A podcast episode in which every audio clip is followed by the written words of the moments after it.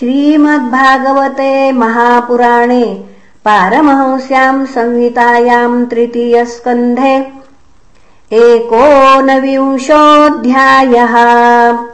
ॐ नमो भगवते वासुदेवाय। मैत्रेय्य उवाच। अवधार्य विरिञ्चस्य निर्व्यलीकामृतम् वचः प्रहस्य प्रेमगर्भेण तदपाङ्गेन सोऽग्रहीत्। ततः सपत्नम् मुखतश्चरन्तमकुतो भयम्।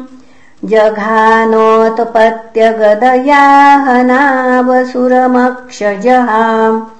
साहता तेन गदया विहता भगवत्करात् विघूर्णितापत्तद्रेजे तदद्भुतमिवाभवत् स तदा लब्धतीर्थोऽपि नवबाधे निरायुधम्। मानयन् समृधे धर्मम्। विश्वक्सेनम् प्रकोपयन् गदायामपविद्धायाम् हाहाकारे विनर्गते। मानयामास तद्धर्मम् सुनाभम् चास्मरद्विभुः। तम् व्यग्रचक्रम् दितिपुत्राधमेन स्वपार्षदमुखेन विसज्यमानम् चित्रावाचो तद्विदाम् खेचराणाम् तत्रास्मासन् स्वस्तिते मुञ्जहीति सतम् निशम् पुनः सतम् निशाम्यात्तरथाङ्गमग्रतो व्यवस्थितम् पद्मपलाशलोचनम् विलोक्य चामर्षपरिप्लुतेन्द्रियो वृषा स्वदन्तच्छदमादशश्वसन्। करालदंष्टश्चक्षुभ्याम् सच्चक्षाणो दहन्निव। अभिप्लुत्य स्वगदया हतोऽसीत्याहनधरिम् पदासव्येन ताम् साधो भगवान् यज्ञसूकरः लीलयामिषतः शत्रो प्राहरद्वातरंहसम् आह चायुधमाधस्त्व घटस्वत्वम् जिगीषसि। इत्युक्तः स तदा भूयस्ताडयन् व्यनदद्भृशम्।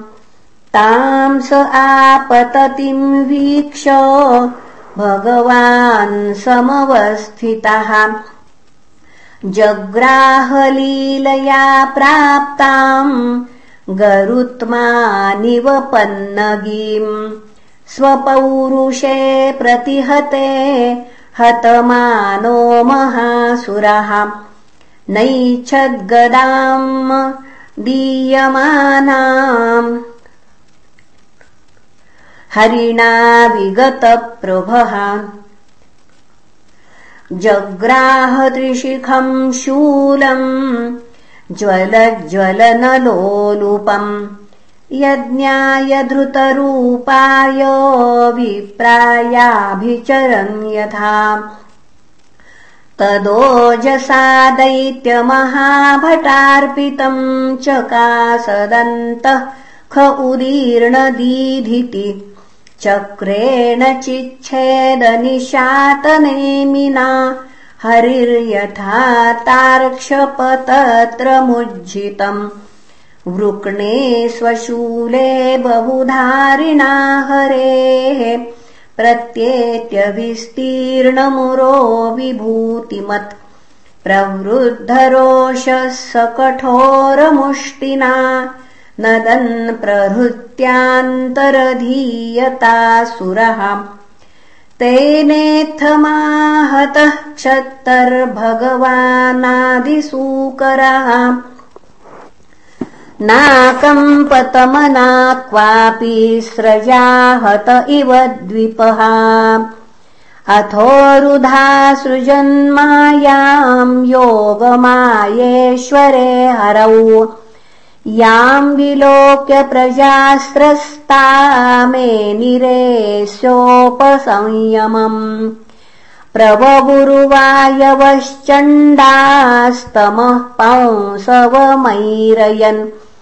दिग्भ्यो निपेतुर्ग्रावाणः क्षेपणै प्रहिता इव द्यौर्नष्टभगणाभ्रौघैः सविद्युत्स्तनयित्नुभिः वर्षद्भिः पूयकेशासृग्विण्मूत्रास्थीनि चासकृत् गिरयः प्रत्यदृश्यन्त नानायुधमुचो नघ दिग्वाससो यातु धान्य शूलिन्यो मुक्तमूर्धजाः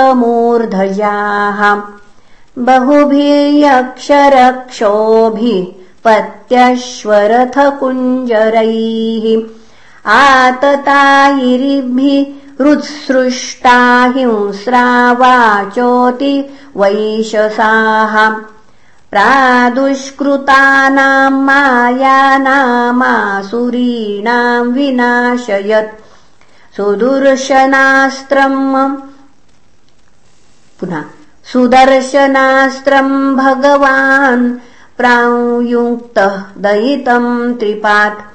तदादिते समभवत् सहसा हृदि पथुः स्मरन्त्या भर्तुरादेशम् स्तनाच्चाश्रुप्रशुश्रुवे विनष्टासु स्वमायासु भूयश्चावुरज्य केशवम् वृषोपगूहमानो मुम् ददृशेव स्थितम् बहिः। तम् वृष्टिभिर्विनिर्घ्नन्तम् वज्रसारैरधोक्षजः। करेण कर्णमूलेऽहन् यथा त्वाष्टम् मरुत्पतिः। स आहतो विश्वजिताह्यवज्ञया परिभ्रमद्गात्र उदस्तलोचनः। विशीर्णबाह्व्यङ्घ्रिशिरोरुहोपतत् यथा नगेन्द्रो लुलितो नभस्वता। शितौशयानम् तमकुण्ठवर्चसम् करालदंष्ट्रम् परिदष्टदच्छदम् अजादयो वीक्ष शशंसुरागता अहो इमाम् को नुलभेत संस्थितिम् यम् योगिनो योगसमाधिनारहो। ध्यायन्ति लिङ्गादसतो मुमुक्षया। तस्यैष दैत्यर्षभः पदाहतो सुखमुखम् प्रशौ। पुनः मुखम् प्रपश्यंस्तनुमुत्ससर्जः एतौ तौ पार्षदावस्य शापाद्यातावसद्गतिम्। पुनः कतिपयैस्थानम् प्रपत्स्येतेह जन्मभिः। देवा ऊचुः नमो नमस्तेऽखिलयज्ञतन्तवे स्थितौ गृहीतामलसत्त्वमूर्तये। दिष्ट्याहतोऽयम् जगतान्मरुन्तुदस्त्वत्पाद भक्त्या वयमीश निवृताः। मैत्रेय्य उवाच एवम् हिरण्याक्षमसह्यविक्रमम् स सादयित्वा हरिरादिसूकरः जगामलोकम् स्वमखण्डितोत्सवम्। समीडितः पुष्करविष्टरादिभिः। मया यथानूक्तमवादिते हरेः।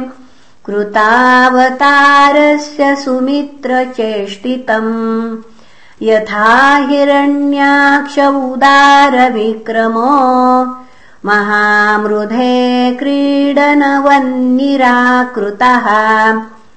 सूत उवाच इति कौशारवाख्यातामाश्रित्य भगवत्कथाम्।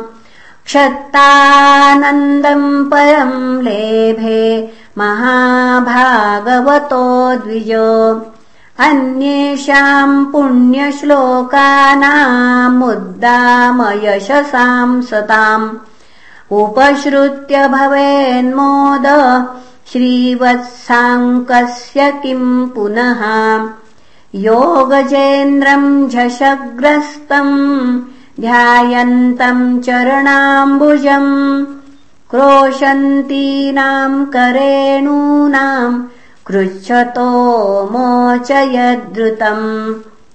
तम् सुखाराध्यमृजुभिरनन्यशरणैर्नृभिः कृतज्ञः को न सेवेत दुराराध्यमसाधुभिः। यो वै हिरण्याक्षवधम् महाद्भुतम् विक्रीडितम् कारणसूकरात्मनः। शृणोति गायन्त्यनुमोदतेऽञ्जसा विमुच्यते ब्रह्मवदादपि द्विजाः। एतन्महात्पुण्यमलम् पवित्रम् धन्यम् यशस्यम् पदमायुराशिषाम् प्राणेन्द्रियाणाम् युधि शौर्यवर्धनम् नारायणोऽन्ते गतिरङ्गशृण्वताम्। इति श्रीमद्भागवते महापुराणे पारमहंस्याम् संहितायाम् तृतीयस्कन्धे हिरण्याक्षवधो नामैककोनविंशोऽध्यायः. श्रीकृष्णार्पणमस्तु। हरये नमः हरये नमः हरये नमः